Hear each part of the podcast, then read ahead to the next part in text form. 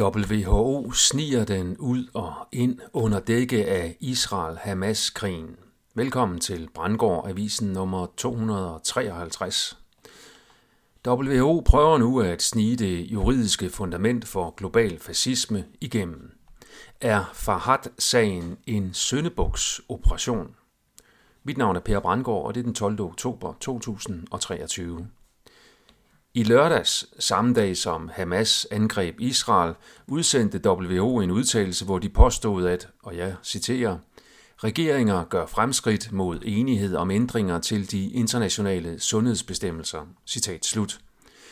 I en ny artikel om sagen citerer de Expose Dr. Meryl Nass for at udpege, at hovedpunktet i udtalelsen er, at WHO erklærede, at de ikke vil dele det færdige dokument med ændringer til de internationale sundhedsbestemmelser, International Health Regulations IHR, fire måneder før afstemningen i maj 2024, som WHO's egne regler ellers kræver. Det tyder på, at WHO vil snige ændringerne igennem. Det tyder også på, at WHO har prøvet at snige kommunikationen af denne ureglementerede beslutning ud, mens verden har været optaget af situationen i Israel-Palæstina. Hvis IHR-ændringerne bliver vedtaget, så vil Danmark og de mange andre WHO-medlemslande overdrage national suverænitet til WHO i tilfælde af pandemier med videre. Det vil danne det juridiske fundament for den globale udbredelse af det totalitære sundhedsfascistiske diktatur. Det norske medie Steigan beretter, at centralbanken i Norge, Norges Bank, som svarer til Nationalbanken i Danmark, nu kører på for at indføre digitale centralbanks penge. Hvis det lykkes at indføre CBDC, Central Bank Digital Currency, så er det afslutningen på demokrati og indførelse af totalitær teknokratisk tyranni. Det er også efter min vurdering en meget væsentlig del af slutspillet i udbredelsen af DUSI. Et af formålene med optrapningen af de fysiske krige i først Ukraine og nu også Mellemøsten er at distrahere os fra denne større trussel mod vores frihed.